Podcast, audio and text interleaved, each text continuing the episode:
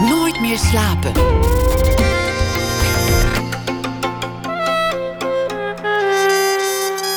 Met Atze de Vriezen. Goedenavond, uh, welkom bij uh, Nooit meer slapen. Paradiso bestaat 50 jaar. En Nooit meer slapen zet het Amsterdamse poppodium in de schijnwerpers. Met een vijfdelige podcastserie. Straks na half twee kunt u luisteren naar aflevering 2 daarvan. En die gaat over de punk. Te gast zijn onder andere eh, de dichter Diana Ozon en Peter Tesseldam van de, van de band Panic. Maar mijn gast van het komende uur die schrijft per jaar een slordige 150.000 woorden. Dat is absurd veel voor een romanschrijver, maar eh, zelf vindt Corine Hartman dat eigenlijk wel meevallen. Het is amper anderhalf kantje per dag.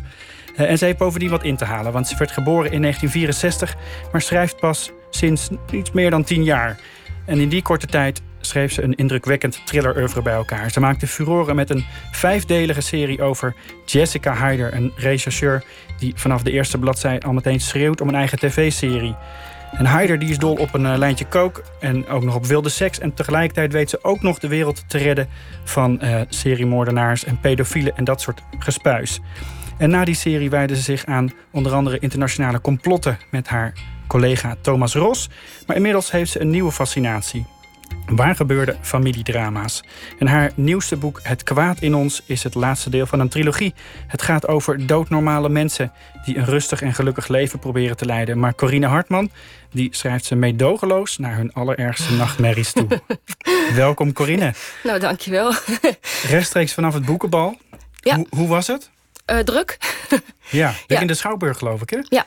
Ja, ja. want vorig jaar Paradiso uh, niet geweest. Die heb ik overgeslagen. Ja. ja, het was een beetje veel harde muziek uh, naar verwachting. En uh, ja, die kan ik thuis ook wel draaien. Ben je normaal gesproken een vaste bezoeker? Nee, niet echt. Nee, maar af en toe vind ik wel dat ik mijn neus moet laten Even zien. Moet en laten is ook zien. gezellig, want van tevoren doen we een hapje eten bij de uitgever bij de bezige bij op Ja, ja, kantoor. ja. Dus ja, dan even collega's uh, een beetje bij kletsen. En dan is het gewoon erg gezellig. Als je nou daar zo rondloopt, zo midden in de Nederlandse schrijverswereld... en je zou één schrijver collega mogen omleggen... wie zou het zijn en met welk wapen zou je het doen? Oei, um, nou de eerste die me er binnen schiet, maar die heb ik niet gezien.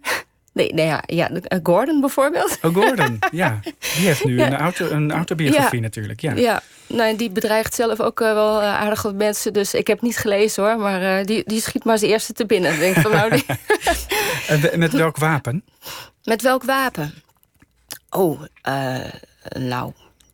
Laten we dan maar gewoon een ouderwetse revolver of zo nemen. Ja? Dat vind ik wel wat hebben. Ja, want je hebt natuurlijk... Ja, ja, dat is natuurlijk op zich die naam, dat zal mij worst wezen. Maar ik vind het natuurlijk wel interessant dat jij natuurlijk vanwege jouw vak je moet verdiepen in allerlei manieren waarop mensen elkaar van het leven kunnen beroven. Ja. Toch? Dat ja. is, heb je daar een soort heel arsenaal inmiddels aan, aan, aan, aan manieren waarop mensen elkaar kunnen vermoorden? Oh ja, uh, ja, mappen vol. Maar ook, uh, er zijn ook hele fijne documentaires over. En uh, ja, pff, ik ga regelmatig ook naar de schietbaan. Dus ja, een beetje zelf oefenen. Om te weten hoe dat voelt? Ja, ja en ruikt. En ja, ik, ik, het heeft ook wel wat, vind ik, om dat zelf ook ja, mee te maken. Ik vind, je moet, wel, je moet wel weten waar je het over hebt. Maar ruikt het ene geweer anders dan het andere? Ja, zeker. Echt waar? Ja, ja. Als je echt zo'n hele oude revolver hebt, uh, zo'n zo, zo echt zo'n stevige... Ja, ja dat, dat, daar zie je ook nog gewoon het vuur uitkomen als, uh, als je schiet. Dus dat, is, uh, dat heeft wel... Dat is eigenlijk wel het mooiste, hè? Een soort ambachtelijk ja, ja, moordwapen. Precies, ja. Ja, die, die, zo'n zo'n zo'n zo'n boekenbal, hè, voel je je daar... Ik kan me voorstellen dat je eigenlijk maar twee opties hebt. Of je voelt je daar als een vis in het water... of het is toch een soort ja, ongemakkelijk, awkward altijd. Welke, welke keuze past het meest bij jou? Als ik moet kiezen, dan uh, kies ik de tweede. Ja. Ja, weet je, ik ben, ik ben schrijver. Um, en ik ben geen schrijver geworden om, uh, om op een podium te staan... maar om verhalen te vertellen. Ja. En dat doe ik uh, in mijn eentje met mijn laptop. En um, dat vind ik heerlijk. En dan komen de verhalen en de rest van dat hele gebeuren... dat zal je worst wezen. Ja, nou ja, worstwezen, het, het hoort erbij. Dus het is een, een soort accepteren en, en kiezen van wat, wat doe ik wel en dat, wat doe ik niet.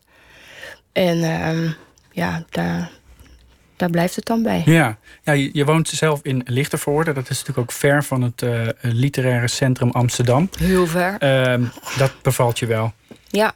Nou, er zijn wel meer uh, literaire mensen daar neergestreken. Hè? In Adriaan van, Nou, niet in Lichtenvoorde, maar wel in de Achterhoek. Hè? Ja. Adriaan van Dis uh, ja, ja, ja, ook... Ja. ja. waarom ook niet? Nou ja, het is gewoon wel een grote inspiratiebron.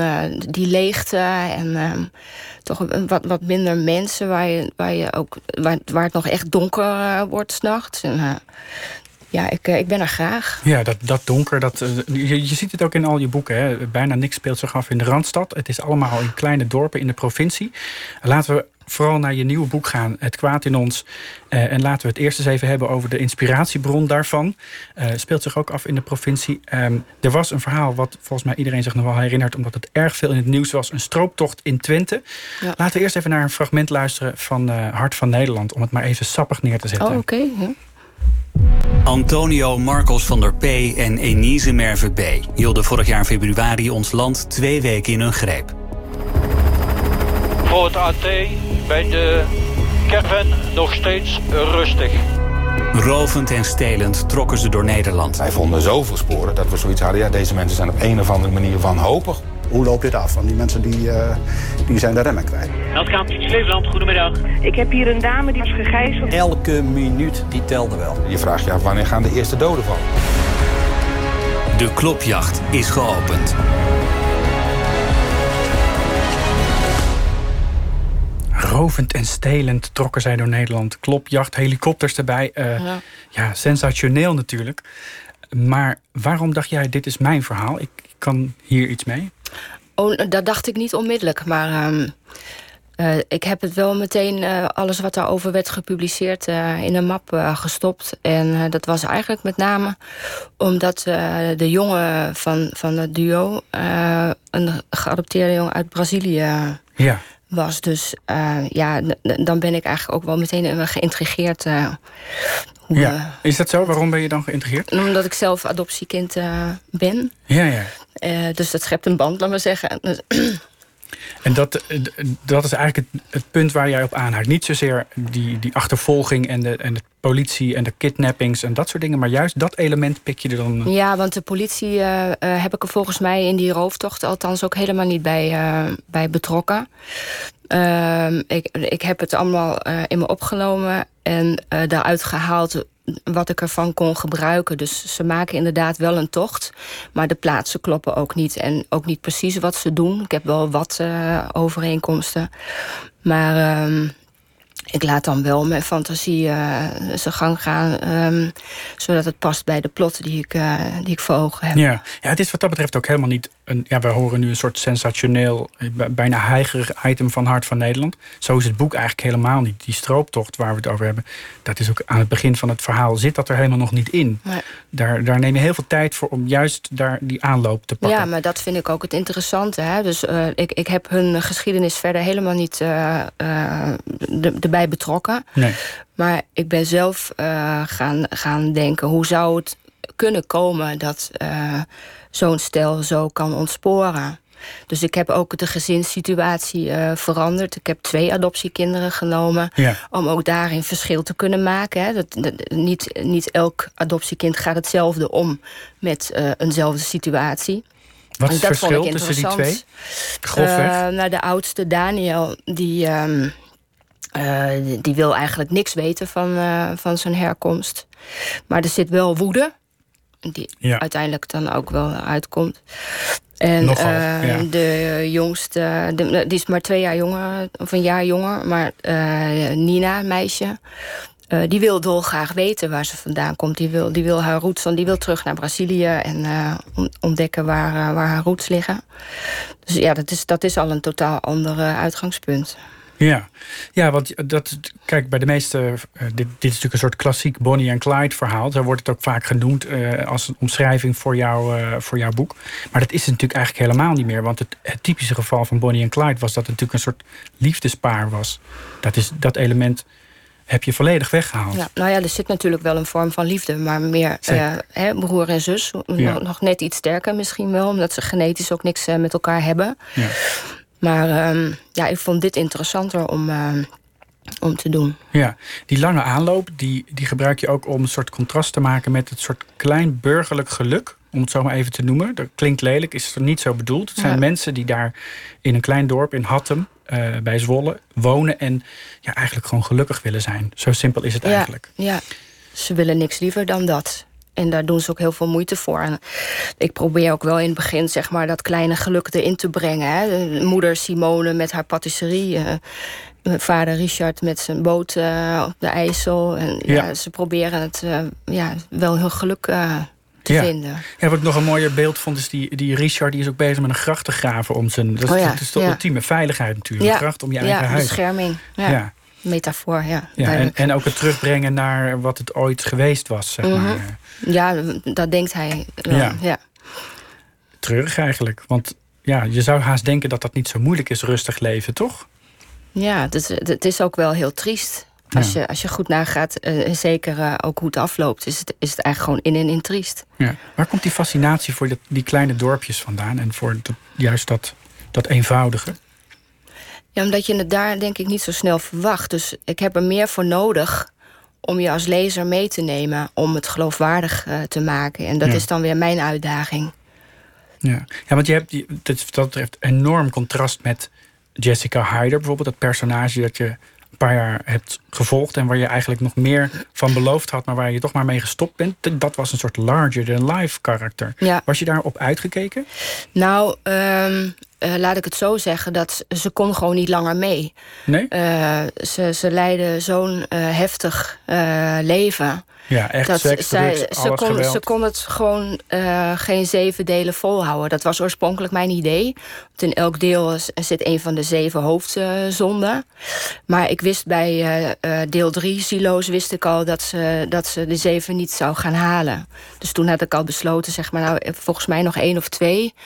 Maar dan, eh, dan, dan trekt ze het echt niet meer. Heb je daar boze brieven over gehad? Nee, wel teleurstellingen van. Ja. Ik had er graag nog, eh, nog, wat bijgelezen. Ja, maar mensen gingen zich Ja. echt hechten aan deze vrouw, toch? Ja, maar weet je, op is op. Ehm, en dan eh, wordt het denk ik slecht wat ik ga doen. Dus dat, ja, dat, dat ga ik gewoon niet...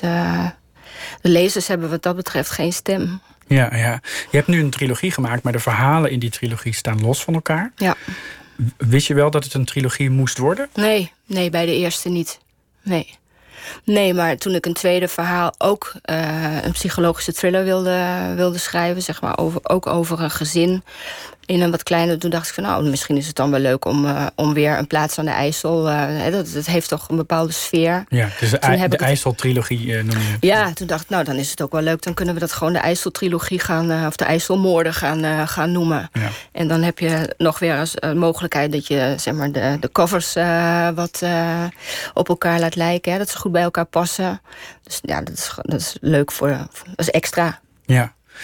Wat mij nou zo opviel is, je hebt natuurlijk dat verhaal dat zich in Hattem afspeelt. Maar er zit een, een wereld achter, een soort geheime wereld met drugs en criminaliteit en dergelijke, die je helemaal niet zou plaatsen bij zo'n provinciestadje. Eh, ge- gebeurt dat in dit soort plekken van Nederland? Ja. Of is het eigenlijk iets wat ik, we kennen het uit Amsterdam, Rotterdam, dat Mhm. soort steden? Keiharde criminaliteit. Nou ja, keiharde criminaliteit en afrekeningen, hè, en maffia, zo, dat, dat, dat, dat, dat vind je bij ons eh, natuurlijk niet. Maar Zwolle is denk ik al iets, eh, iets ander verhaal waar het deels ook speelt. Ja. Maar eh, zeker wordt er bij ons ook wel, wel veel gebruikt. Ja. Ja, het, is, het is overal wel te koop en zo. Dus, ehm, Er ja, er mensen eh, zijn die ja, daar en- de risico's voor nemen. Ja. Ja, ja, ja. Ja, precies.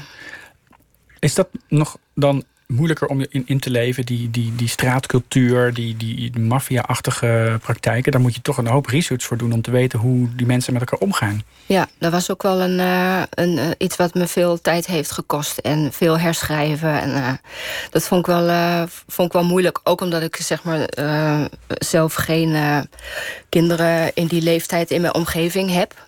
Nee. Dus eh, ik heb wel wat mensen ook eh, gevraagd die dat wel eh, hebben om, om dingen te lezen. Ja. En gevraagd van, goh, hoe gaat dat met jouw zoon? Of hoe doet hij het? En hoe, hoe praten ze? Hè? Ja, wat voor ook, drugs gebruiken ze? Wat voor drugs. En je kan natuurlijk ook wel heel veel vinden op internet. Maar juist dat, dat, dat persoonlijke, zeg maar, dat, ja, dat wil ik toch wel graag zelf, zelf horen dan. Ja.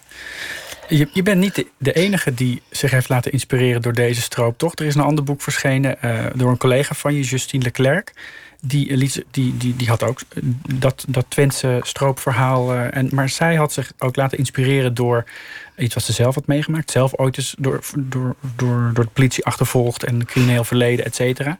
Bij jou ligt de inspiratie dus, dus iets anders. Maar het is kennelijk toch een soort universeel interessant verhaal. Ja, het, het, spreekt wel tot de verbeelding natuurlijk. Hè. Het wordt niet voor niks uh, ook met, met Bonnie en Clyde vergeleken. Ja, ja, ja. Het heeft ja, op een bepaalde manier ook, ook uh, iets raars romantisch of zo. Uh, net als zeg maar zo'n zo'n zo'n Holleder verhaal hè, wordt geromantiseerd. Mensen daar graag over lezen. Het spreekt gewoon tot de verbeelding. Dus ja. eigenlijk is dat heel bizar. Maar ja, het is gewoon zo. Ja, die, die adoptie, je noemde het zelf al als de factor waar je voor jezelf op aanslaat. Dat zat al eerder, dat element zit al eerder in je werk. Um, maar waarom was dit het moment om een roman te schrijven waarin dat echt het hoofdthema is? Ja, dat weet ik eigenlijk niet zo goed. Het is op een gegeven moment uh, een kwestie van gevoel. Uh, dat, dat dit het verhaal is wat ik nu moet schrijven. Dus en die, die strooptocht was ook al van 2014. Dus ik had dat ook meteen uh, op kunnen pakken. Ja, dus dat moest ik, even rijpen? Ja, dat denk het. Ja, ik kan niet zo goed uitleggen waar, waarom dat dan vier jaar of drie jaar ehm, moest rijpen. Op een gegeven moment... Ehm, uh, blijft het dan toch in je hoofd spoken? Of, of uh, is er ineens iets waardoor ik denk van... oh, maar uh, als ik nu dit in mijn plot verwerk... En, he, dan past het of zo mooi. het, moet, het moet ook allemaal een beetje passen in, in een plot. Ja. He, dus je kan wel een... je kan wel een spannend gegeven hebben, zo'n zo'n strooptocht. Maar dat, levert, dat alleen levert nog geen spannend verhaal op. Als ik het één op één zou uh, vertalen naar een, een boek... Dan, nou, dan weet ik niet zeker of dat, of dat een verhaal is wat, uh, wat iedereen zou willen lezen. Dus het heeft veel meer nodig dan dat. Ja, ja, ja. Heb jij zo lang als je je kunt herinneren geweten dat jij geadopteerd was? Ja, zo gauw ik me bewust was zeg maar, van, van, van alles en nog wat... hebben mijn ouders me dat wel met regelmaat verteld. Ja, dat is geen geheim geweest? Nee, het is geen geheim ja. geweest. Dat lijkt me op zich een goede zaak, toch? Ja, ja, zeker. Ik vind ook dat het zo hoort. Ja. Hoe is dat bij jou gegaan? Want jij bent natuurlijk niet een Braziliaanse of Indiaanse of weet ik veel wat waar je vandaan zou komen. Gewoon in Nederland geadopteerd. Ja, nou, dat was jaren zestig. En uh, mijn biologische moeder uh, werd per ongeluk zwanger ze zeven, toen ze 17 was. Ja. Vader had een zaak. En uh, ja, ik kon het voor de goede gemeente niet verkopen dat hij een dochter had die zwanger een kind, uh, on, ongetrouwd zeg maar een kind uh, kreeg. Dus ze kreeg de keuze van het huis uit of uh, kind weg. Keihard. Dus het laatste is gebeurd. Dus ik heb een jaar in kinderthuis gelegen in, in Den Haag. En toen ben ik geadopteerd door mijn ouders. Ja. In, je, je, noemt het in een kinderhuis huis gelegen. Dat klinkt echt alsof je hebt liggen wachten eigenlijk. Geen, ja, nou, wat ik, ervan, ik weet daar natuurlijk niks van. Dat was maar één jaar. Maar ja. uh, wat ik ervan uh, later heb gehoord... is wel dat, uh, ja, dat er weinig aandacht was voor... er, was gewoon, er was gewoon weinig personeel met veel kinderen, baby's. En ja, ja dat werd het hoogste, hoognodige voor gedaan. Maar de omstandigheden waren niet, niet altijd even, even jovel. Nee. Dus ik heb, voor mijn gevoel heb ik daar inderdaad alleen maar gelegen. Ik weet ook dat uh, toen, ik, uh, toen ik eenmaal uh, door mijn ouders was geadopteerd, thuis, thuis kwam, laat maar zeggen. Ja.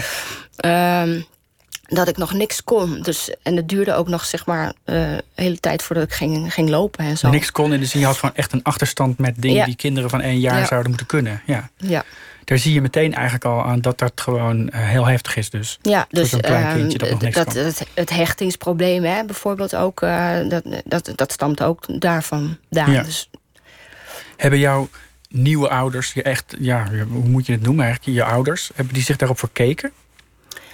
Um, nee, maar ik denk wel dat ze het, dat ze het best moeilijk hebben gevonden. En dat, dat uh, heb ik ook zeg maar, wel een beetje willen vertalen in het kwaad in ons, hè, met die ouders. Uh, uh, met alle goede bedoelingen uh, haal je een kind in huis. Je wilt het liefde geven, je wilt het verzorgen. Je, je, wilt er echt goed aan doen. En toch is het een stuk moeilijker dan, dan menigeen verwacht. Omdat je eigenlijk niet weet wat je in huis haalt. Je, je weet niet, eh, als je zeg maar normaal uh, biologisch kind hebt, dan weet je, oh, dit heeft hij van moeder of dit heeft hij van vader. En bij, uh, bij zo'n adoptiekind moet je maar afwachten. Dus je kan wel een heleboel ook natuurlijk met opvoeding gaan, gaan rechtzetten of, of regelen. Maar er zit altijd een stuk onbekend. Ja. Heb je ooit uitproberen te zoeken wie nou je vader en moeder waren? En mijn moeder wel. Ja, je vader niet? Nee. Waarom niet? Omdat ik uh, in mijn moeder zoveel herkende van mezelf... dat ik dat wel genoeg vond. En het is, um, het is toch ook wel een hele onderneming. Ook, het is uh, simpelweg omdat je moeder nu eenmaal de eerste was... waar je naar gezocht had? Ja. Was ja. ook makkelijker misschien, omdat... Ja, ja. Is het, is, is het wel bekend wie je vader is? Of? Uh, nou ja, ik heb wel een naam, maar het, het, het, boeit me niet. Het heb je echt afgesloten, dat hoef je niet te weten. Ja, nou, ik moet eerlijk zeggen, ik heb uh, een tijd geleden nog eens een keer gedacht van... zal ik hem eens gaan opzoeken, want dan heb ik misschien nog weer een leuke verhaallijn voor. Maar dat vond ik eigenlijk een verkeerd uitgangspunt om... Uh, dus nee, ik heb voelde het, alsof je hem gebruikte dan. Ja, ja. precies. Dat, dat, mag niet, dat mag niet de, de reden zijn. Dus nee, ik, ik, ik heb het afgesloten en ik ben er klaar mee en het is goed zo. Je zegt, ik heb al meer dan genoeg van mezelf herkend in mijn moeder. Betekent het dat je dan vooral de, de slechte dingen van jezelf in je moeder hebt teruggezien? Oh nee hoor, nee, gewoon qua uiterlijk en uh, uh, qua uh, mentale, ja, ja, gewoon eigenlijk alles. Ja. Dus persoonlijkheid. En ja, dat, dat, vond ik, dat vond ik genoeg. Ja? Ja. Maar wil je dan niet weten waar de, de rest vandaan komt? Nee. Nee, maar het is ook best wel elke keer confronterend. Hè? Ik bedoel, die, die programma's van, van Spoorlozen, het is allemaal allemaal wel heel boeiend en zo. En het eindigt dan ook met vaak of meestal... Uh, wat fijn dat we elkaar hebben gevonden. Ja. Maar dan... Weet je, het is, het, je hebt wel zeg maar ineens uh, iemand die je eigenlijk dus moeder zou moeten noemen. Ja. Maar daar heb je 20 of 25 jaar uh, nooit contact mee gehad. Het is gewoon eigenlijk ook een vreemde. Dus het is een hele bizarre situatie eigenlijk. Heb, heb je een zekere band kunnen krijgen met je moeder? Uh, nou, een beetje. Ja, wat is een beetje? Ja, een beetje. Laat ik zeggen dat... Um, um, ja, niet echt. Nee, het, uh, uiteindelijk is het, toch, is het toch erg ingewikkeld. Ja. Ja, waarom is dat? Ja, dat weet ik niet. Misschien om, juist omdat je al die jaren elkaar niet hebt... Uh, je hebt die band niet kunnen opbouwen. Dus Ja. de, de- de- waar je eigenlijk een bloedband hebt... um, voelt dat niet zo. Is het gewoon ook eigenlijk. Ja, die bloedband is er wel, maar uh, je hebt hem niet kunnen verstevigen, laat me zeggen. Dus ja, je kan er niks mee. De, de kracht van de bloedband is iets wat je al onderzoekt in bijvoorbeeld dat eerste Jessica Hyder boek, hè, waarin het gaat over haar zoon die vermoord is en hoe, hoe sterk die band dan is, wat je daarvoor over hebt. Dat, dat is dus kennelijk wel iets waar je zo in vastgebeten hebt, omdat je het misschien zelf niet zo hebt ervaren. Ja, dat is misschien ook uh, een soort wishful thinking, hè? Gewoon Ja. dus hoe, het, hoe het ook kan. En ik zie dat natuurlijk ook wel bij, uh, bij vrienden, uh, hè? Hoe, hoe anders het ook kan zijn. Maar um, ik geloof dat bijna in al mijn boeken de ouder-kindrelatie wel een rol speelt. Dus ja, dat is wel iets wat, uh, wat aan mij kleeft. Ja, ja dat wil je gewoon. uh, de- Dat is mijn ding, ja, geloof ja. ik. Ja. Hoe, hoe ging het met je moeder? Als in, wat voor, een- wat voor mens is het? Um, nou, het is eigenlijk wel een hele, hele lieve vrouw, maar heel erg introvert. Ja. Dus uh, heel moeilijk praten over haar. Niet benaderbaar. Nee, en ze, heeft, ze, is, ze is vlak uh, na mijn geboorte heeft ze haar man leren kennen, waarmee ze later is. Vrij, vrij snel daarna ook is getrouwd. Ja. En we hebben nog twee dochters uh, gekregen. Dus ik heb twee halfzusjes waar ik wel ook een beetje contact uh, mee heb af en toe. Daar heb je wel nog meer contact mee dan met je moeder nu Ja. eigenlijk. Ja. Wat ging. Het, het, kun je begrijpen waarom ze het destijds deed? Jou weggeven? Ja, ja, dat is ook zo'n ding. Weet je, uh. Uh, ja en nee. Dat is altijd heel dubbel. Maar dat, ik neem aan dat als je op zoek gaat naar uh, je biologische vader en moeder, dat je dan ook het antwoord op die vraag zou willen weten. Ja, daarvoor ging ik eigenlijk ook op zoek. Ja, ik wil gewoon weten waar ik vandaan kom en het waarom. En uh, ik weet ook nog dat ik in het begin zei van... nou ja, ik wil haar alleen maar even laten weten dat het, dat dat het goed met me is gekomen. En, uh, Toch een soort geruststellen. Ja, maar daar zit natuurlijk gewoon achter ook de angst... Van dat zij uh, niks met mij te maken zou willen hebben. Weet je, die, die, je weet natuurlijk niet uh, van tevoren hoe, hoe zij daarover denkt... of wat er nee. is gebeurd. Of misschien was ik wel het resultaat van een verkrachting. Of, weet je, dus ja, dat is, al, het was wel heel spannend. Ja, ja, ja. je hebt wel eens iets gezegd over haar... dat ze, dat, dat, dat ze depressief ook was... en veel moeite had met überhaupt het leven. Zelfmoordpogingen gedaan heeft ook. Ja. Komt daar ook het feit vandaan... dat er zoveel zelfmoord voorkomt in je boeken? Oh, dat weet ik eigenlijk niet. Het is ook wel iets wat, wat, wat, wat mij uh, wel bezighoudt uh, bij vlagen. Dus, ja, sowieso de, de dood dan eerder. Maar in de zin van dat je soms wel eens op punten hebt gestaan... dat je een flart van neiging tot zelfmoord niet ja, kunt maar onderdrukken. Ik denk dat, dat, dat, dat, wel, dat wel meer mensen dat hebben. Zeg maar, als je het echt helemaal niet meer ziet zitten... Nou, uh, ja, ja, zou het niet makkelijk zijn uh, als ik nu... Uh, ja, maar denk je dat wel eens? Ja, dat denk ik wel eens. Op wat voor momenten De dan? laatste tijd gaat het wel heel goed hoor. Um, ja, dat, dat, dat, heeft niet eens zozeer te maken met uh, uh, het, het, leven op zich, met het gelukkig zijn of zo. Het, is meer een uh, ja, mentale kwestie. Dan, dan zit het gewoon niet helemaal lekker. Is het dan een soort vermoeidheid dat je het niet meer op kan brengen? Ja, dus ik denk dat het een combinatie van uh, factoren is.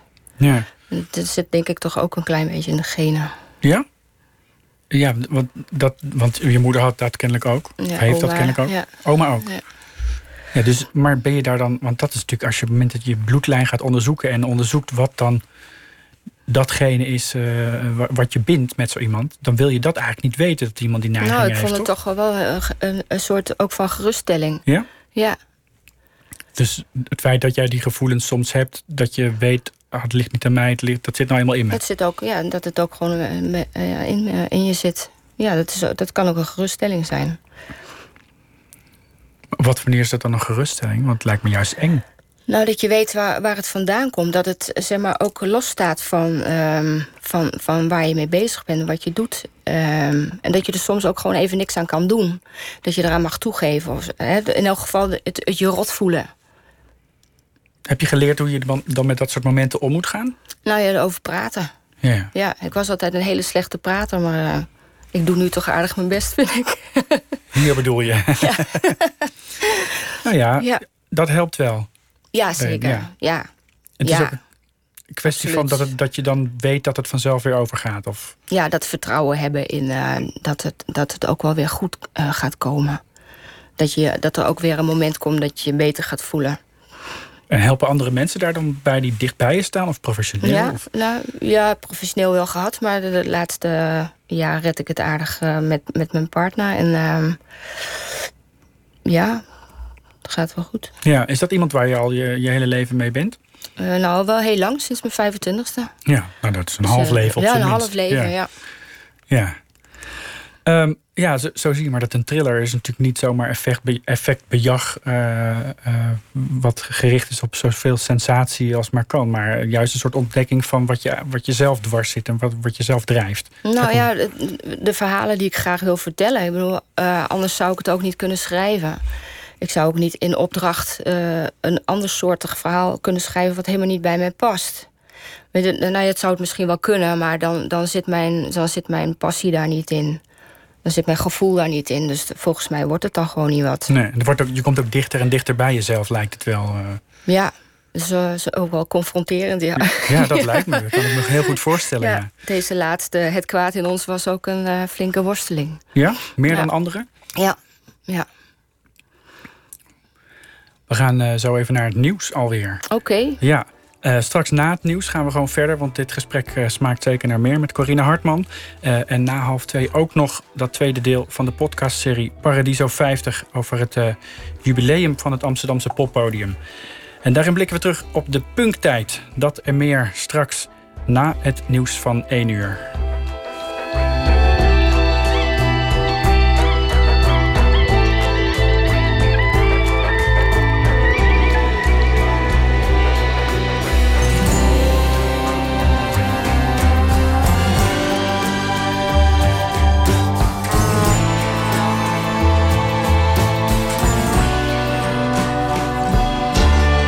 Radio 1. Het nieuws van alle kanten.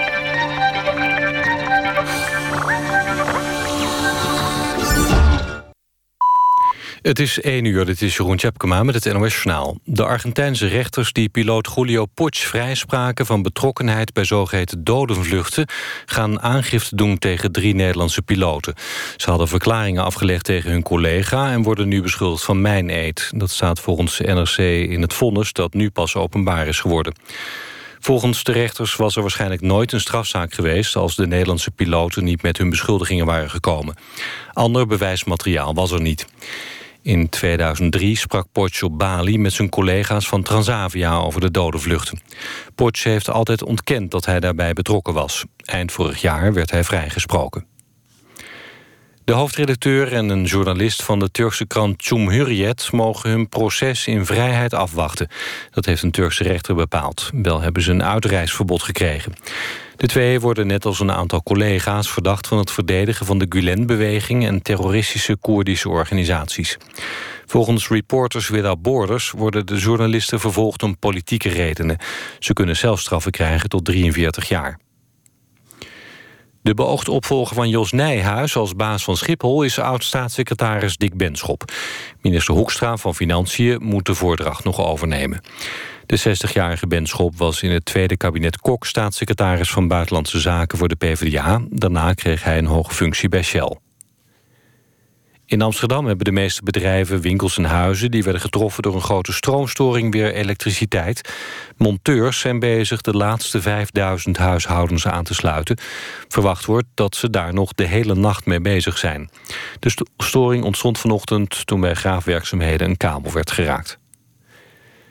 Het weer vannacht op veel plaatsen regen en het koelt af naar een graad of 6. Overdag is het met 14 tot 17 graden erg zacht... en overdag blijft het zo goed als droog. Zondag wordt het regenachtig bij maximaal van 15 graden. Dit was het NOS Journaal. NPO Radio 1. VPRO. Nooit meer slapen.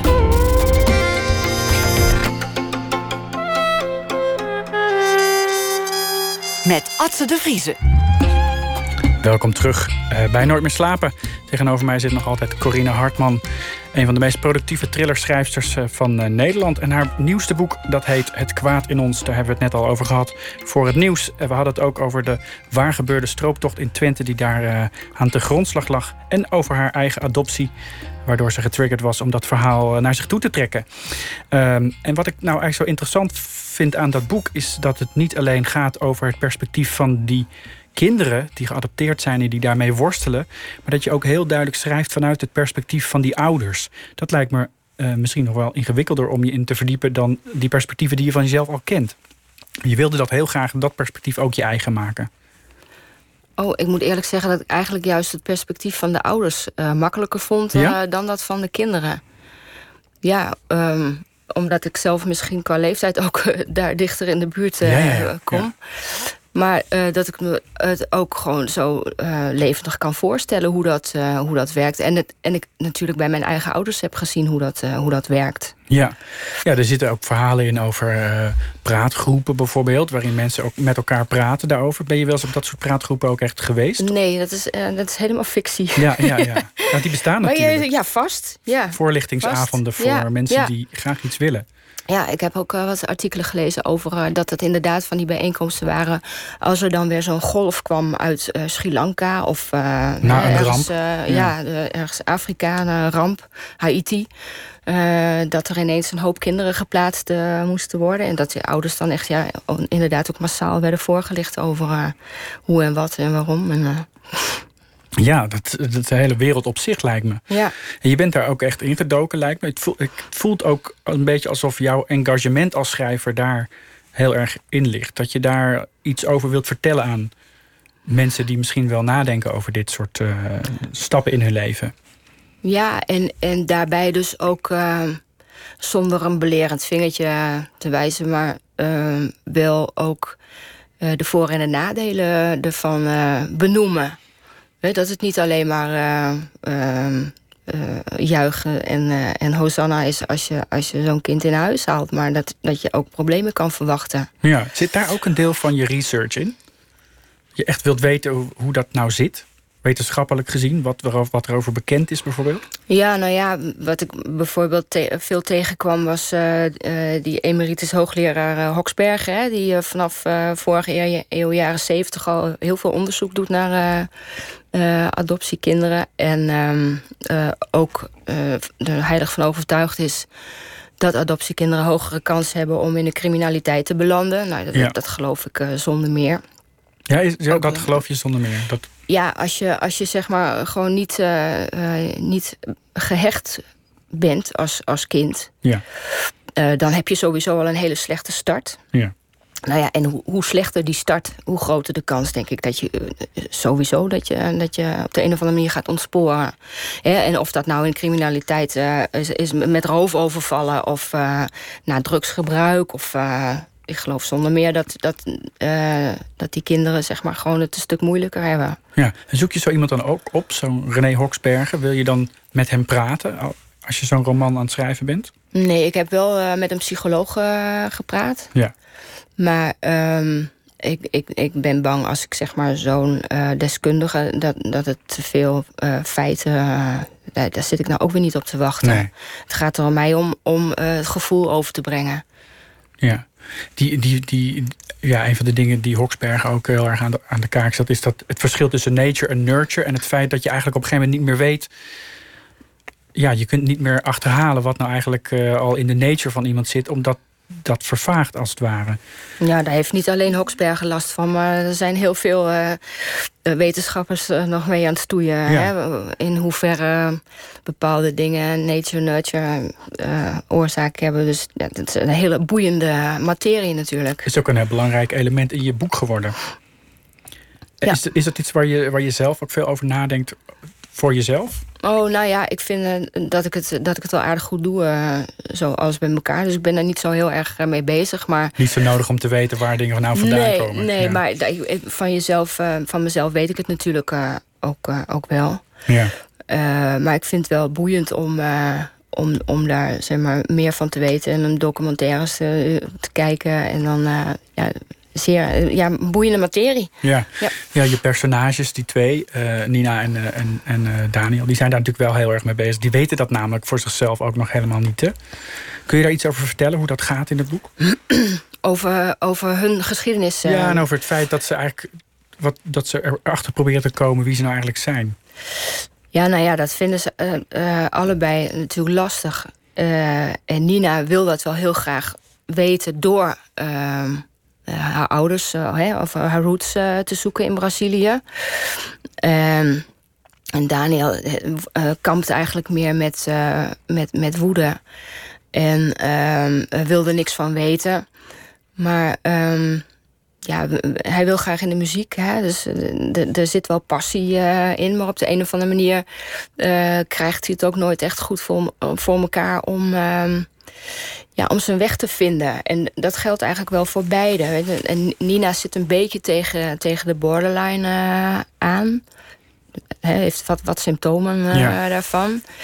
Dus ja, ze kampen allebei eh, natuurlijk met, met afkomst. Maar eh, Da- ja, Daniel wilde niks van weten. En Nina wil, wil, wil het wel opzoeken. Ja, ik, wat ik, ik vind het interessant hoor. Dat het, de stelling dat adoptie niet goed is voor een kind, dat kan ik me heel goed voorstellen.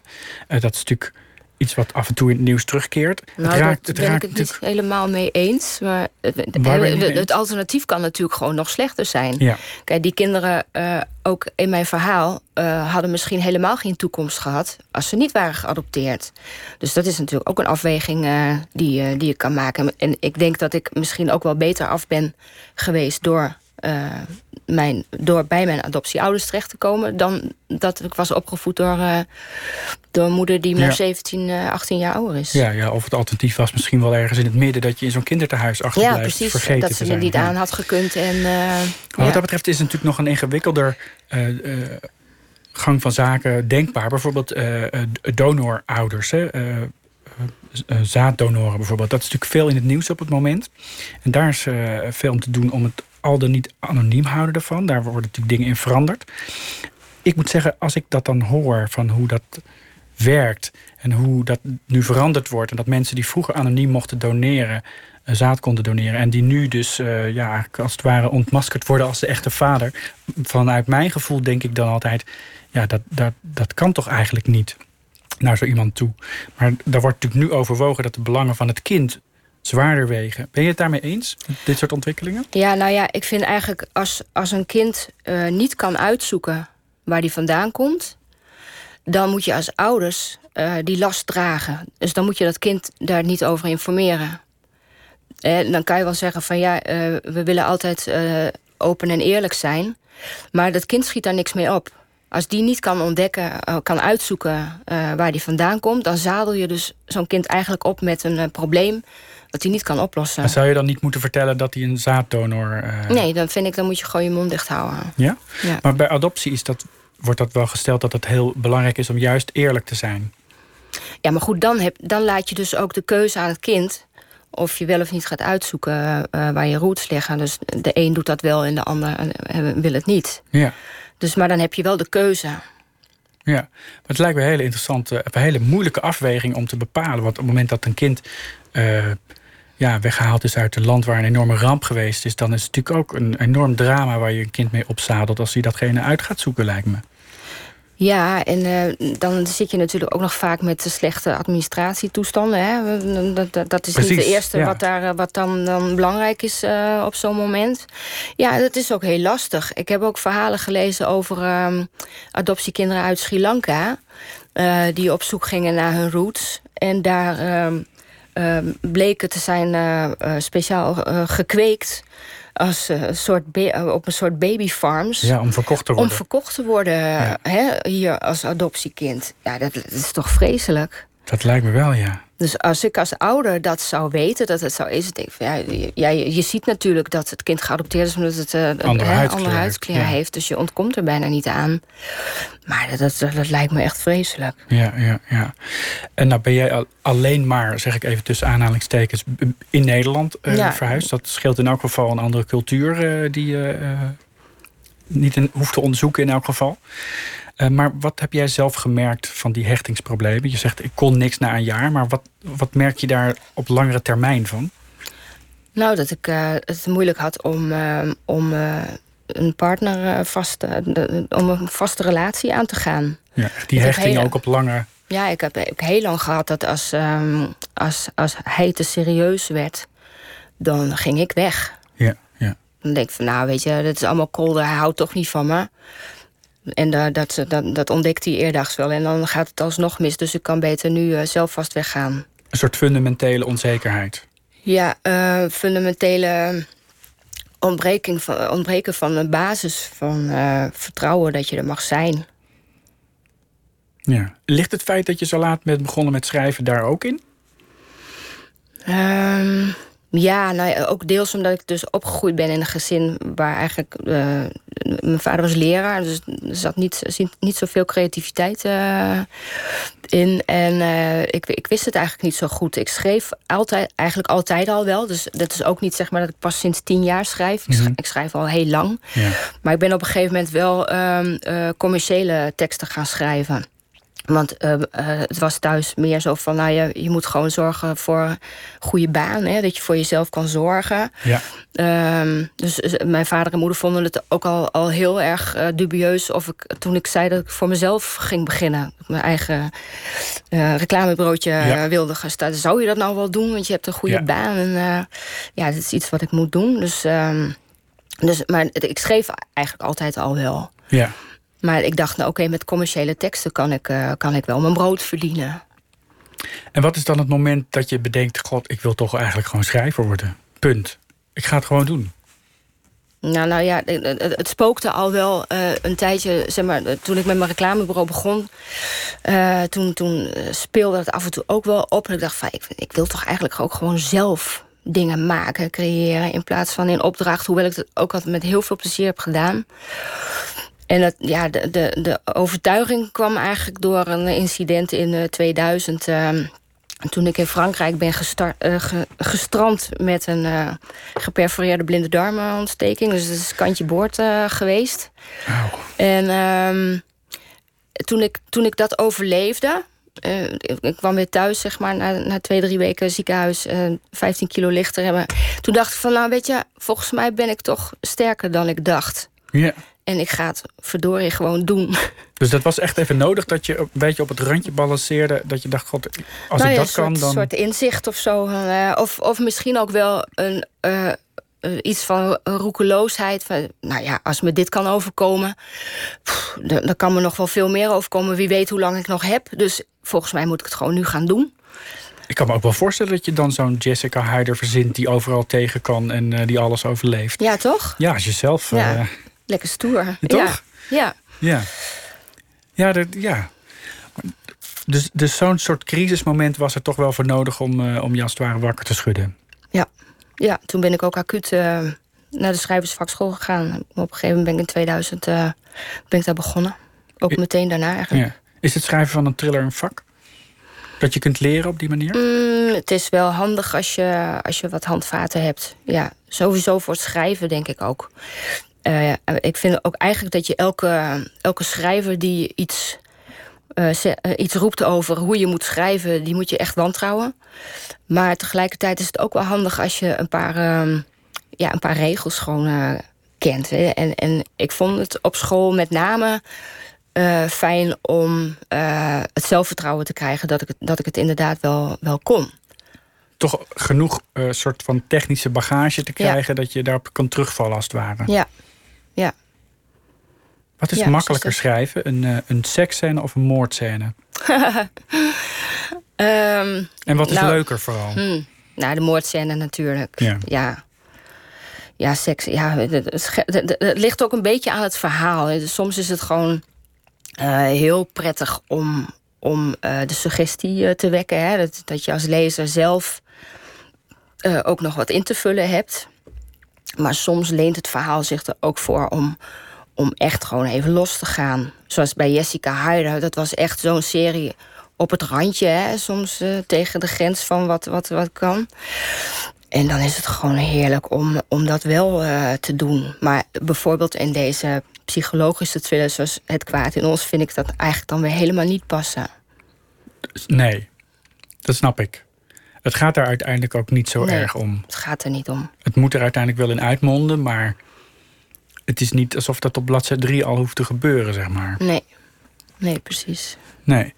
Eh, ja, het- ik wil toch nog even, want als je dan zo'n bijna doodervaring hebt gehad, hè, je hebt op het randje gebalanceerd, ga je dan bijvoorbeeld over iets als zelfdoding dan weer anders nadenken? Ehm, nee, dat heeft er eigenlijk niet zoveel ehm, eh, invloed op gehad. Want je hebt daar vaak over gefantaseerd hoe, zou zijn, hoe het zou zijn om dood te gaan. Nou, gewoon om er, om er maar En dan ga je bijna en dan Ja, denk je, nee, Ja. toch niet. nee. Nee, nee dat, dat dan weer niet. Nee, dat zit, toch, dat zit toch op de een of andere manier dieper of zo.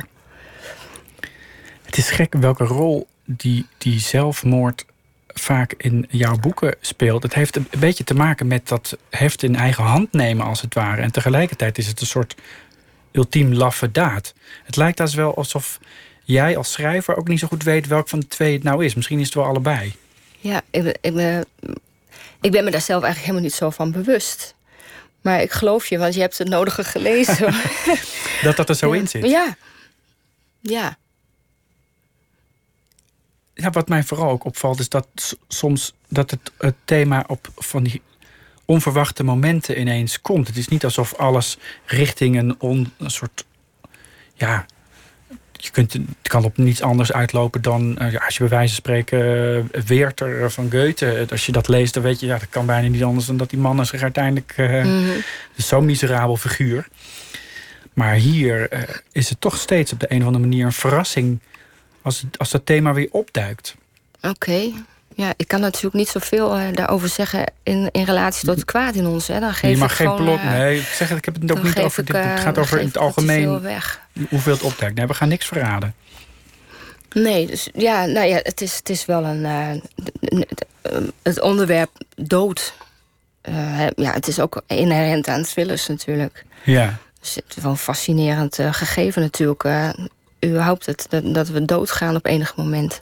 Stond voor jou sowieso vast dat je thrillerschrijver zou worden? Je Ja. kunt allerlei dingen natuurlijk. eh, je kunt eh, Ja, ik zeg, liefdesverhalen schrijven. Je kunt eh, hele experimentele romans gaan maken, poëzie. Ik Maar zal niet, niet zeggen dat ik nooit iets anders zal gaan doen. Maar ehm, toen ik mijn eerste Agatha Christie las, toen dacht ik al van dit wil ik ook. Hoe- dit is geweldig. Hoe oud was je toen je dat soort dan ben dingen las? een jaar of tien of zo. Ja, ja, echt. echt, ja. 10, 11. En eh, dan was het ook meteen. eh, ik, ik weet nog dat ik het eigenlijk niet mocht kijken, maar mijn oudere broer keek Tatort. En dan was ik gewoon stiekem eh, heel stilletjes. eh, Mocht dat niet? van, Nee? eh, Want nou, daar was ik nog te klein, was was ik nog te klein voor. Drie jaar ouder. Dus ja, ik mocht, dan moest ik eigenlijk naar bed. Maar als ik nou maar heel stil hou, dan eh, mag ik nog even kijken. Ja. Maar jouw oudere broer is dus een, een, eh, een kind van je ouders. En zij hebben jou later Dat is ook een geadopteerd. adoptie. Ook een adoptiekind. Ja, precies. Ja. Juist. Ja, ik wil toch nog even terug naar dat recht in eigen hand nemen. Want dat is toch wel een, ook een interessant gegeven. Dat gebeurt ook de hele tijd in je boeken. Eh, het kan natuurlijk zijn dat mensen dat in een privésituatie doen. Een keuze maken. eh er vandoor gaan op strooptocht. Of wat ze dan ook doen. Maar ook op een soort van eh, bijna officiële manier. In Jessica Hyder boeken daar is sprake van geheime genootschappen die dingen oplossen, bijvoorbeeld. Mhm. Dat is toch wel ook echt een thema van deze tijd, toch? Want we hebben het ook over de Russen en Poetin en over Trump en over dingen die achter de schermen gebeuren. Wat dat betreft is dat natuurlijk heel actueel. Mhm. Is dat een fascinatie? Geheime genootschappen die Ja. dingen oplossen? Ja, dat spreekt natuurlijk wel eh, tot de verbeelding. Ook van dat soort complottheorieën. Dat- Ja, dat is wel eh, heerlijk voer voor een eh thrillerschrijver natuurlijk. Ja. Ja, heerlijk. Ben je daar altijd op gefocust? Als je het nieuws leest? Ja, Dingen ja die, die we niet weten en die misschien wel daarachter zitten? Dat, dat wordt allemaal uitgeknipt en, eh, en bewaard. Heb je daar Eh, mappen van? Ja, ja, legio. Ja, maar eh, niet alles boeit me. Dus zo gauw het over cybercrime gaat... of eh, ja, echt die, in, in die hele die maffia-wereld... ja, ook... eh, ik zoek wel graag het, eh, het hele persoonlijke drama... eh. Dat, op. dat, je bedoelt de cyber, dat vind je te, te anoniem? Ja, maar ik vind het ook niet zo. Ja, ja eigenlijk wel. Ja. Ik vind het niet zo boeiend om, om daarover te, over te schrijven, ook om me daarin te verdiepen. Dus het moet, het moet qua research ook nog, eh, ook nog leuk zijn hè, om, eh, om wat te ontdekken. Ja, ja, ja. Nou ja, wat natuurlijk wel interessant is aan, aan zo'n zo'n soort team dat eh, ingeschakeld wordt op het moment dat de gewone rechtsstaat het niet oplost. Dat is iets wat je gecreëerd hebt. dan, dan gaat het natuurlijk toch, dan is er toch een soort van universeel iets wat we erger vinden dan alle andere dingen. Mhm. En dat is wel een interessant gegeven. Bestaan er dingen die zo erg zijn dat ze niet opgelost kunnen worden door de rechtsstaat? Nou, nou, blijkbaar wel, hè. Er zijn gewoon mensen die wegkomen met, eh, met moord of met, eh, met ernstige delicten. Frustreert dat je op de een of andere manier? Nee, niet persoonlijk. Nee, maar het is gewoon heerlijk voer voor, eh, om, om over te schrijven. Korte metten mee te maken. Ja, ja. Zoals in Jessica Harder, zo'n zo'n diamantair. Ja, dat, dat zijn gewoon fijne, fijne uitgangspunten voor, eh, voor zo'n complottheorie. Wat voor diamantair heb je het dan over? Eh, in ehm Glashart is een corrupte diamantair. Ja. Die misbruik maakt van mensen. Ja, dat speelt ook deels nog in Zimbabwe zelfs. Ja. ehm. Dus ja, en, en ik herinner me eh, Doodskleed met, eh, in, in Mexico, de grens van Zuid-Amerika. eh, daar toestanden met, met een virus en, waarmee wordt geknoeid. Ja. Maar ook dan hou ik er wel van om het erg persoonlijk te maken. Dus het moet, wel, het moet mij persoonlijk boeien. ja, er moet een persoonlijk drama Ja, wel in zitten, want anders dan. eh, Dat is net als zeg maar eigenlijk met een film. Als, als je een oorlogsfilm en, en er gaan duizend mensen in één keer worden neergemaaid. Dan heb je daar geen band mee. Dan boeit het je eigenlijk niet. Maar zodra je gaat inzoomen op één persoonlijk drama. Ja, dan wordt het interessant. Ja, je hebt natuurlijk een aantal boeken gemaakt met Thomas Ros, toch een beetje de koning van de thrillers in Nederland. En die houdt heel erg van uh, complotten op, op, op hoog niveau, zeg maar. Heeft hij je daar een beetje bij aangestoken of had je dat al in je? Nee, maar dat zat natuurlijk ook al wel eerder in. Uh, zoals in de, in de Heide-serie zat, dat, uh, zat dat ook al ja. wel. Um, ik denk dat ik juist in onze samenwerking de persoonlijke nood erbinnen. Ik, ik, herinner me bij Zwarte Weduwe de vluchtelingen die af en toe zeg maar, in beeld komt na zoveel hoofdstukken komt zij weer uh, in beeld. Dat had, dat had Thomas, zeg maar, denk ik, niet zo, uh, niet zo gedaan. Maar uh, om juist dan weer één vluchteling eruit te pikken... En, en haar persoonlijke verhaal te vertellen, ja, dat vind ik dan weer interessant. Is dat eigenlijk moeilijk, een boek samen met iemand schrijven? Ja, heel ingewikkeld. Dat lijkt ja, mij ook. Doe nooit weer. Nee, nee. hoor, nee, grapje. nee, het was, nee, het was ook heel erg leuk. En ehm, voor de variatie um, heel ja, interessant. Gewoon te kijken hoe, je wat, wat, voor, wat voor product je dan samen kan, uh, kan maken. En ik denk dat we twee boeken hebben, uh, hebben gemaakt... die we niet in ons eentje zo hadden kunnen doen. Maar kun je uitleggen dus, wat je dan bijvoorbeeld gebruikt van de ander? Hoe werkt dat dan? Nou ja, zoals zijn complottheorieën en mijn uh, personages die zich moeten ontwikkelen tijdens een verhaal. Anders vind ik het niet interessant. Dat gecombineerd heeft volgens mij wat extra's opgeleverd. Ja, dan krijg je echt een ander soort boek dan jullie allebei hebben ja. eerder hebben ja, gemaakt. Want ik zou nooit in mijn eentje een verhaal schrijven over Syrische vluchtelingen. Of die, die aanvallen met Turkije daar zou ik me nooit aan wagen, want ik weet daar gewoon niet genoeg van. Het zou me echt. Uh, en, en, het boeit me ook maar tot op zekere hoogte.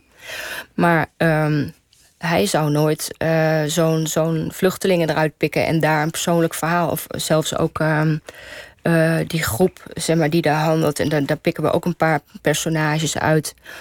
En zo'n duo, zeg maar, wat ook samenwerkt en een ontwikkeling doormaakt. Uh, dat, het, dat is weer niet helemaal zijn, zijn ding.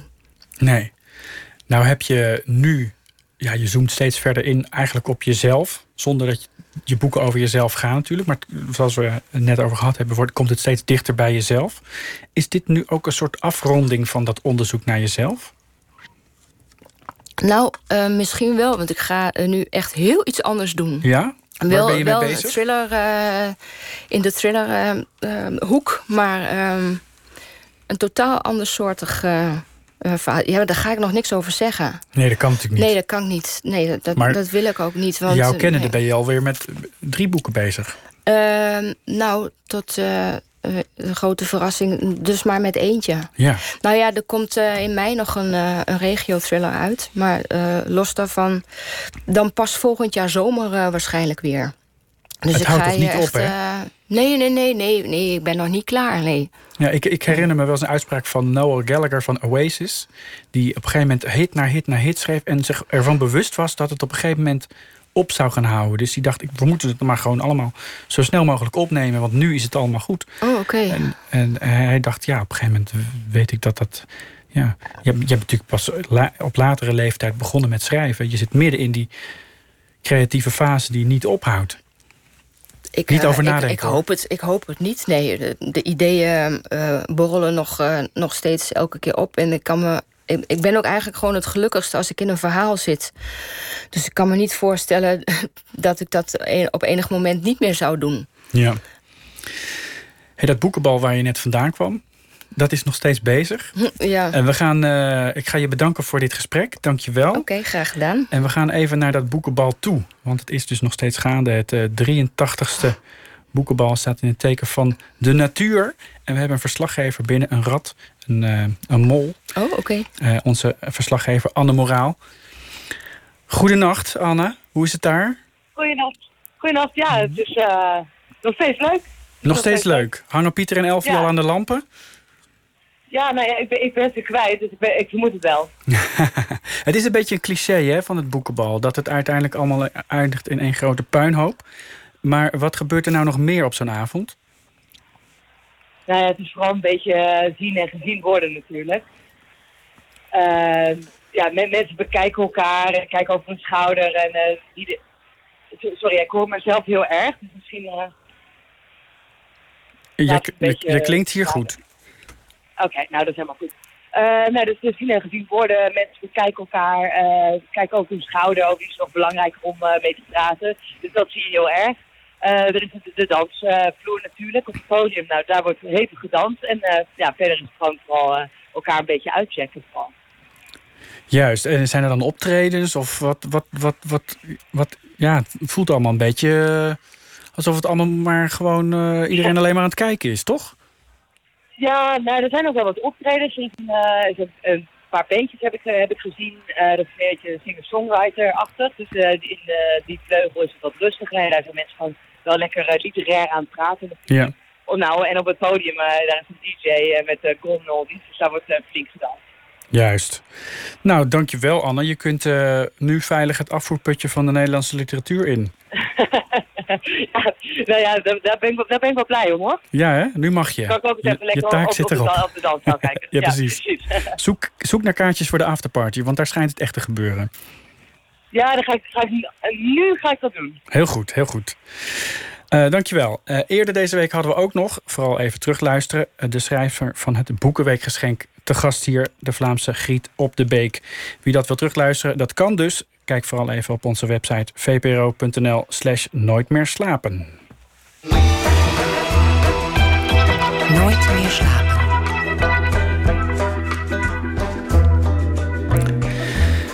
Op 30 maart is het exact 50 jaar geleden dat Paradiso werd opgericht. De belangrijkste popzaal van Nederland, kunnen we toch wel zeggen. Reden voor ons om een podcastserie te maken die Paradiso 50 heet. Vijf afleveringen lang en we reizen door alle turbulente jaren... waarin het Amsterdamse poppodium zich heeft ontwikkeld... van een vrijzinnige kerk naar een hippie hangout... en van een drugshol en punk hoofdkwartier tot de professionele toonaangevende popzaal die het nu nog steeds is. En deze maand zenden we elke vrijdag een ingekorte versie van die podcast uit. We gaan vandaag verder met aflevering 2, waarin Lotje IJzermans ons eh, meeneemt naar het jaar 1977. Paradiso was op sterven na dood. De gemeente wilde absoluut geen geld meer in die zaal steken. En toen kwam de redding. De punk. Paradiso 50, aflevering 2. Punk. Welkom bij Paradiso 50, bij de aflevering Punk. Straks komen er twee muzikanten langs, Pieter Pennek en Karin Nijhuis. En we praten met Martijn de Jonge en Peter van Abbe over het prille begin van Punk in Paradiso.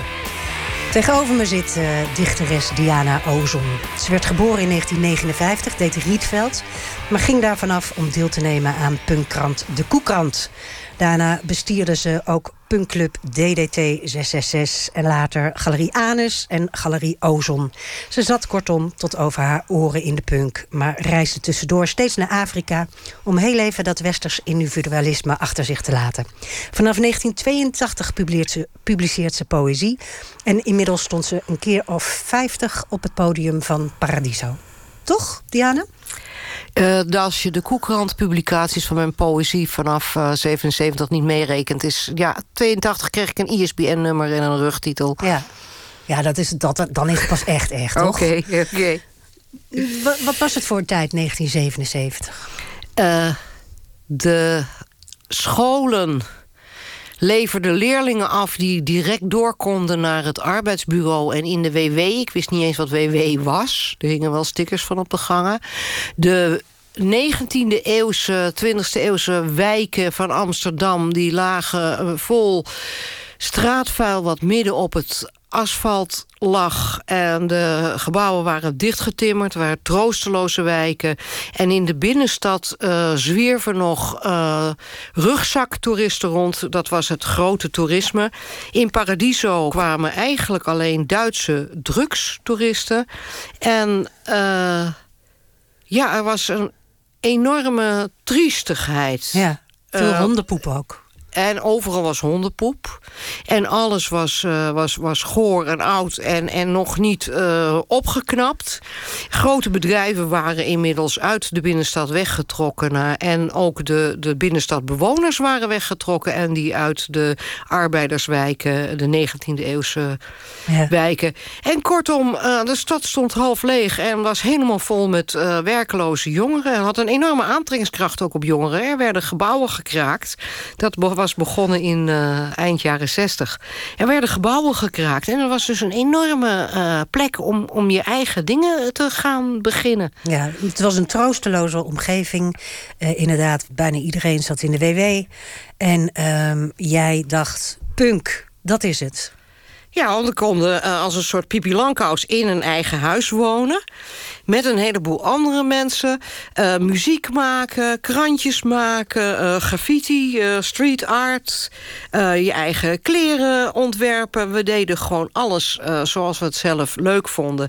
En hadden eigenlijk totale maling aan de volwassen grote wereld. Want die had ook helemaal niks voor ons. En dan is daar ineens zijn er andere jongen uit andere landen. En die komen muziek maken in, in Amsterdam. En waar doen ze dat? Ja, in het jongerencentrum wat, uh, wat er groot genoeg voor is, Paradiso. Ja, en eigenlijk ging het niet zo goed uh, op dat moment met Paradiso. Aan tafel zitten twee getuigen uit die tijd. Peter van Abbe en Martijn de Jonge. De Jonge won een paar jaar geleden de zilveren camera. In uh, de categorie natuur en milieu. En stond eind jaren zeventig voor al die optredens vooraan met zijn camera om foto's te maken. En Peter van Abbe was een van die heel weinig gelukkigen die in uh, januari 77 de Sex Pistols al zag. Want hoeveel mensen zeiden achteraf niet dat ze erbij waren en hoeveel waren er eigenlijk? Zeven ongeveer.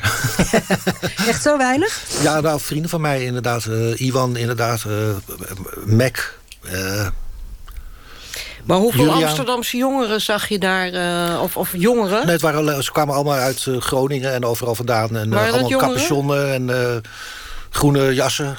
En, uh, en die moesten op tijd weg omdat ze de trein terug en moesten allemaal halen. rennen. Een paar dus uiteindelijk toen de Pistols eindelijk optraden, toen waren er hoeveel? Misschien nou, 100 of 150 mensen nog. Net voor het concert was afgelopen, rennen naar buiten om die trein te halen inderdaad. De laatste trein. Hoe kwam het dat jij erbij was? Uh, ik zag in ik was eigenlijk een rocker. en ik was ook gek op Roxy Music en alles wat met rock'n'roll te maken had. Maar uh, ja, op een of andere manier uh, was ik niet helemaal tevreden. Het was een beetje burgerlijk allemaal en saai en serieus. En de, de, de, muziek vind ik nog steeds geweldig. Maar op een gegeven moment zie ik... Het, het was in december in de Kalverstraat. Daar had je die zaak, die heette Western House. Een kledingzaak. En er hing gewoon een A4'tje. Met, uh, nou was niet eens een affiche of, of gedrukt. Maar gewoon echt geschreven volgens mij. Of gewoon een ges geschreven stencil, zeg maar. En er stond op Sex Pistols treden op 6 en 7 januari in Paradiso.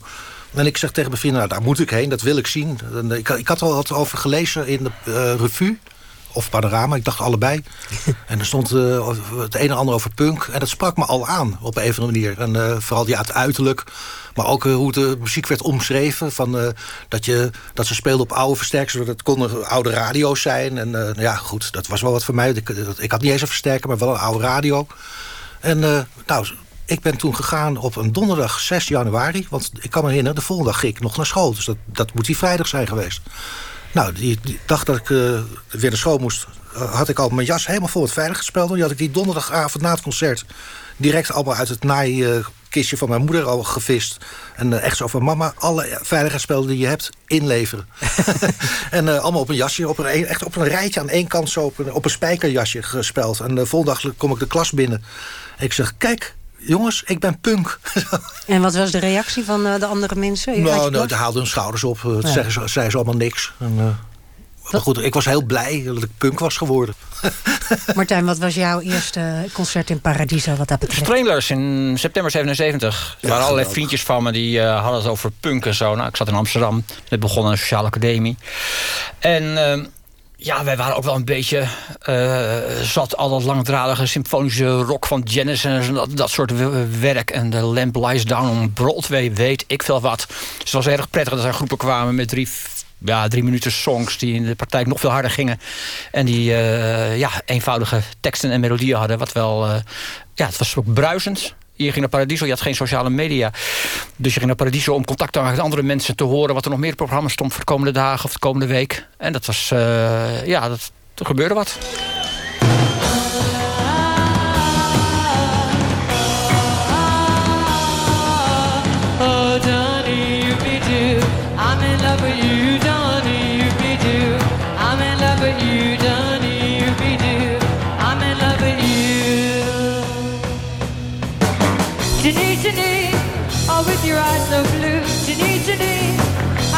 Crush on you.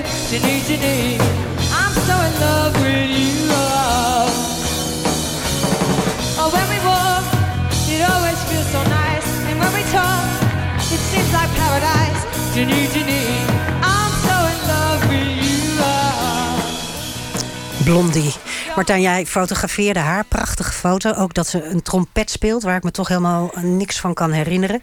Maar in jouw boek eh, staan ook heel veel foto's van krakersrellen. Hè?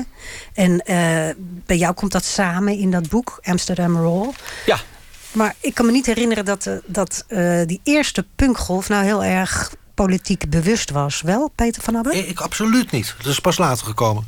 Het ging mij echt om de muziek en ja, ook wel toch wel het feest gebeuren. Ja, bij jou was dat anders? Nou ja, feestgebeuren waren natuurlijk best uh, punkbands die bepaalde statements hadden en dingen. En kijk, voor mij was het een beetje een ommekeer. Ik zat gewoon in een milieu van zo krakers als punks. En uh, werden op een gegeven moment aan de vooravond van de ontruiming van de Grote Wetering in december uh, 1980. Toen was er een concert van Orchestral Manoeuvres in the Dark. En ja, wij zaten eerst vanuit één hoog paradies op de kleine zaal naar beneden te kijken hoe de ME daar bezig was met shovels en de autowrakken de, het water in werden geshoveld. En op een gegeven moment werd uh, Paradiso leeggejaagd door de ME. Toen had ik wel zoiets van ja, op straat gebeurt eigenlijk meer dan binnen. Het is eigenlijk op straat op dit moment spannender. Maar toen kwamen wel die twee werelden kwamen toen wel bij elkaar.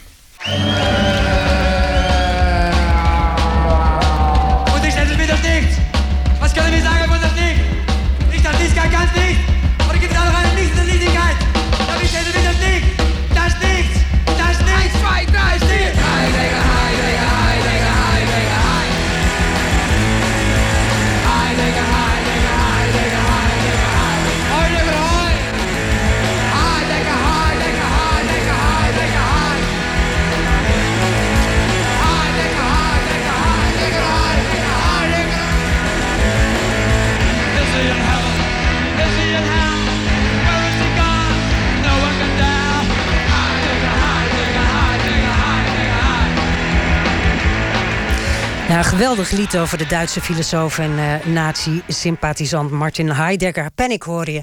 En uh, Panic-zanger Peter ten Seldam zit hier aan tafel. Net als Catharina Nijhuis, toen de tijd Karin geheten. Die zong in de punkband Inside Nipples, maar ook koningin van de bar was in uh, Paradiso. Toch, Karen? Het ja, wordt gezegd. Ik hoorde het net voor het eerst, geloof ik. Dus, nou, je was echt een koningin uh, achter die bar. Je, ken, je kent dat uh, punkpubliek eigenlijk als geen ander, toch? Op den duur wel. Ja, nou, ik heb er tien jaar mee gewerkt. Dus dan krijg je ze wel een beetje door. Vertel, wat was het voor een publiek? Leuk. Echt heel leuk. Veel drinken, veel bier, meters bier. Uh, ja, het waren knulletjes en meisjes tussen de 15 en de 20. En dat was echt. Uh, ik was een paar jaar ouder, maar ik vond dat heel erg leuk. Er waren veel bands in die tijd, uh, Peter. Maar jij was in een van de bands die platen maakte. En dat waren er eigenlijk niet zoveel. Dat was Panic, Flying Spiders, Ivy Green. Ja. Hoe kwam jij in de punk terecht? Nou, het was heel simpel. Ik. Ehm, als ik moet gaan praten over mijn zangverleden... dan uh, de plaat heet 13, omdat ik op mijn dertiende... zat ik in het Burgerweeshuis in Haarlem.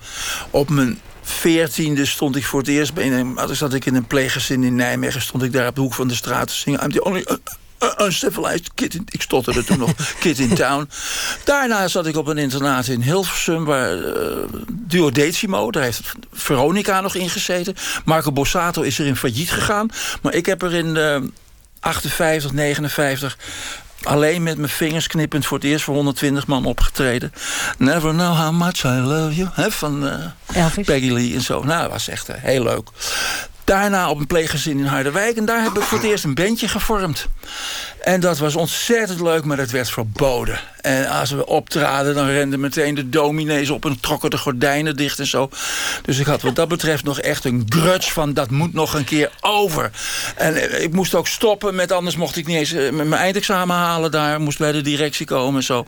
Dus toen ik eindelijk in 576 in Amsterdam weer een band heb kunnen formeren... was voor mij echt... Uh, was, toen was je al een dertiger, toen was je leraar ik was Nederlands. Al, uh, in de dertig, ik was leraar Nederlands... in eh, op een rijksmiddelbare landbouwschool. Daar hebben we voor het eerst opgetreden. En die jongens zeiden na afloop, meneer Peter... het was alsof je tien jaar op een onbewoond eiland had gezeten. Zo was het optreden overgekomen. Dat is toch leuk om te horen. Hè? Ja, want je deed ontzettend veel op het podium, hè? Uh, ja, ik hing desnoods hoog in de balken. Iets met brandblussers?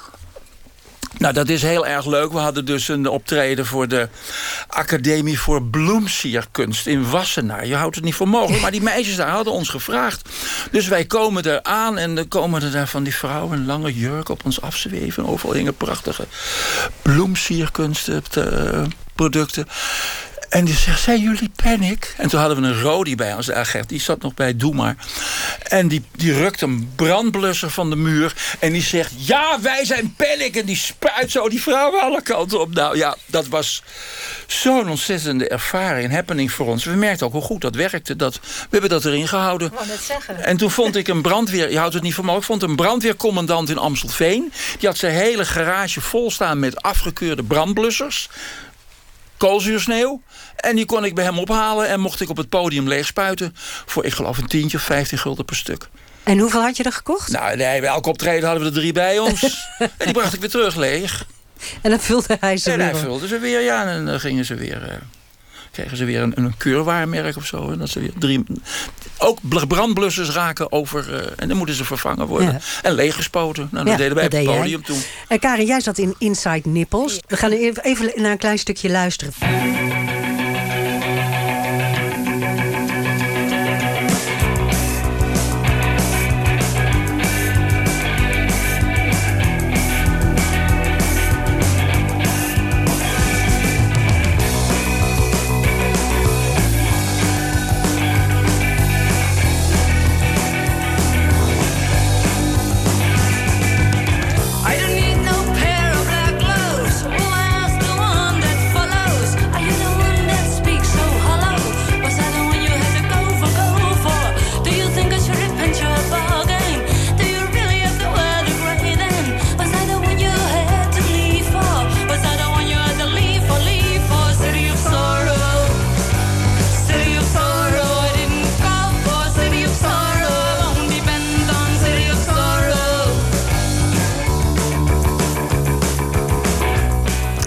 Terug te luisteren, volgens mij?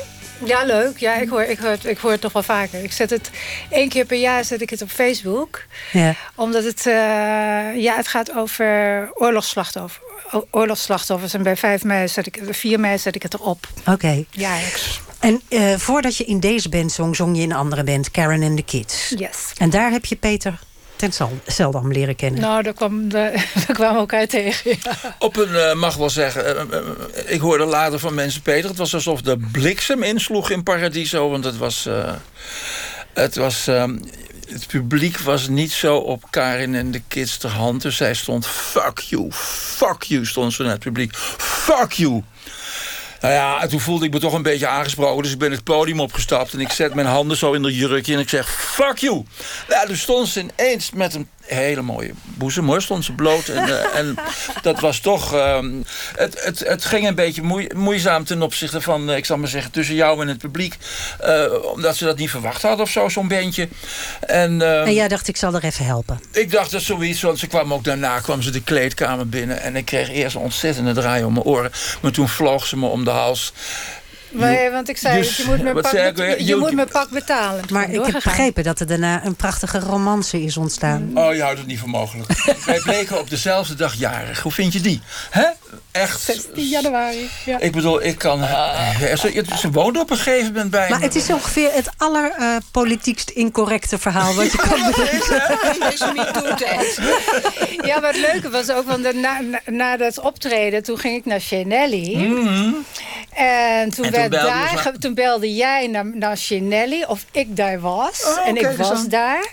En toen zei jij, blijf daar, ga niet weg. En toen hoorde ik, toen kwam je dus een kwartier later kwam je aan fietsen en ik hoorde veel kettingen rammelen. Toen ben ik op de stang van jouw fiets mee naar jouw huis gegaan. Nou. Wat romantisch. Goed, Dat hè? is toch wel heel romantisch.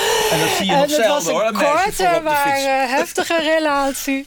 Ja, dat is eh, heel Ja, spannend allemaal. Ja, het was allemaal heel spannend. Het was niet zo heel erg Ik heb ook een verhaal gehoord over Anyway. Sinterklaas. Ja, dat uh, was, uh, waren we uitgenodigd voor Rock Against Racism.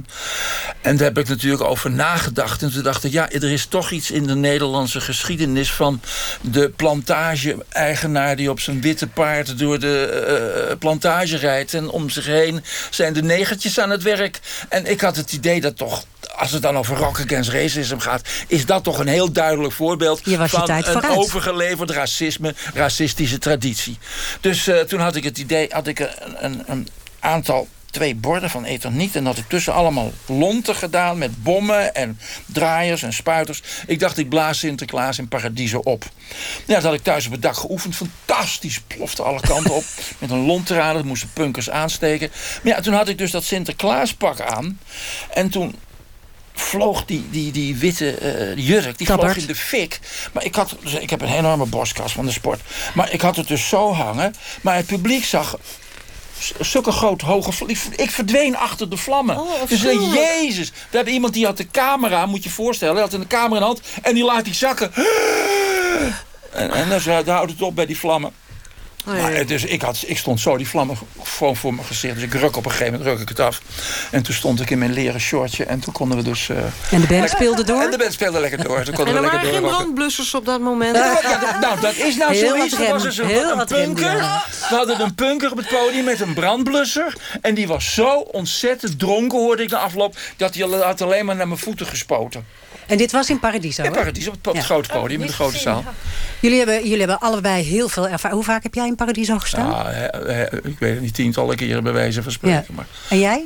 Ook heel veel. Ja. Ja. ik moest natuurlijk ook steeds, was, ik was dan wel aanwezig, dus ik mocht steeds invallen als een beetje uit, uitviel. Omdat je toch al dan aanwezig was vanwege ik de was dan kon ik bardiensten. gewoon weer achter de bar. Ja. Hey, en, eh, was er veel geweld? Nou, nee, nee, hoor, nee. absoluut niet. Kijk, het is zelfs zo, is meer en dat hou je dus nu, niet hoor. voor mogelijk. Leerlingen van mij op school, van die landbouwschool, het Gouden... zijn natuurlijk naar Paradiso gekomen. En, en die zeiden na afloop... "Goh, Wat zijn dat een aardige kinderen, die jongens en zo, die Ja, punkers. Ik waar zeg, hoezo? Nou, zegt die ene, eh, eentje stootte mijn biertje om... en die ging meteen een ander biertje voor me halen. Nou, dat klinkt toch heel schattig, hè? Maar goed, er waren wel Hells Angels. Ja. nou, dat is het verhaal. Dus er komt een Hells Angel.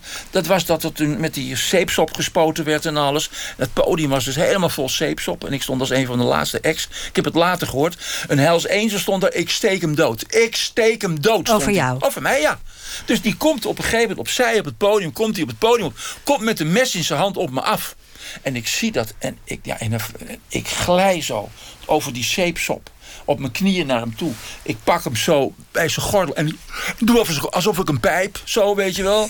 Nou ja, het hele publiek stond natuurlijk... Ha, ha, en hij met zijn mesje, nou, hij gleed Hij achterover, viel op de grond en krabbelde weg. En het was opgelost. Ik heb ook wel eens gehoord, maar ik weet niet meer eh, of dat nou helemaal klopte. Dat er een directeur was van Paradiso die zei: Jongens, jullie moeten nou toch echt gaan betalen. Want jullie komen altijd maar. Maar ik weet even niet meer wie het was. Eh, jullie komen altijd maar gratis binnen, dat kan niet. Waarop eh, Big Willem zei: Ja, maar het is gezichtsverlies als wij hier een kaartje staan eh, te kopen. Dat kan niet. En dan was de deal gemaakt dat ze gewoon naar binnen mochten lopen, heel stoer.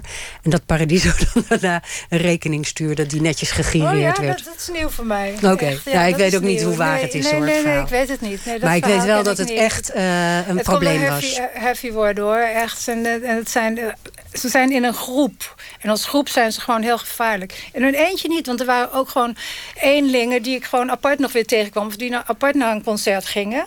Sporadisch, maar waar. En dan waren ze echt angels, echt lieve angels. Ja. Dus geen hells angels, maar echt eh, lieve jongens.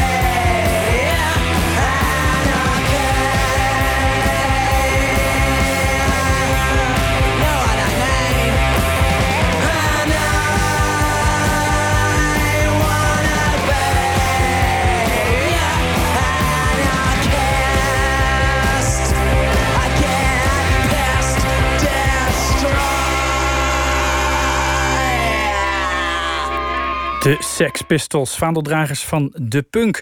U hoorde een voorproefje van de podcastserie Paradiso 50. Er is een langere versie hiervan. Die kunt u uh, vinden op de podcastkanalen iTunes, Stitcher en meer. Uh, de komende weken nog drie versies, uh, drie edities van deze podcast. Dan nog even over maandag. Dan spreekt Pieter van der Wielen met schrijver en hovenier Gerbrand Bakker.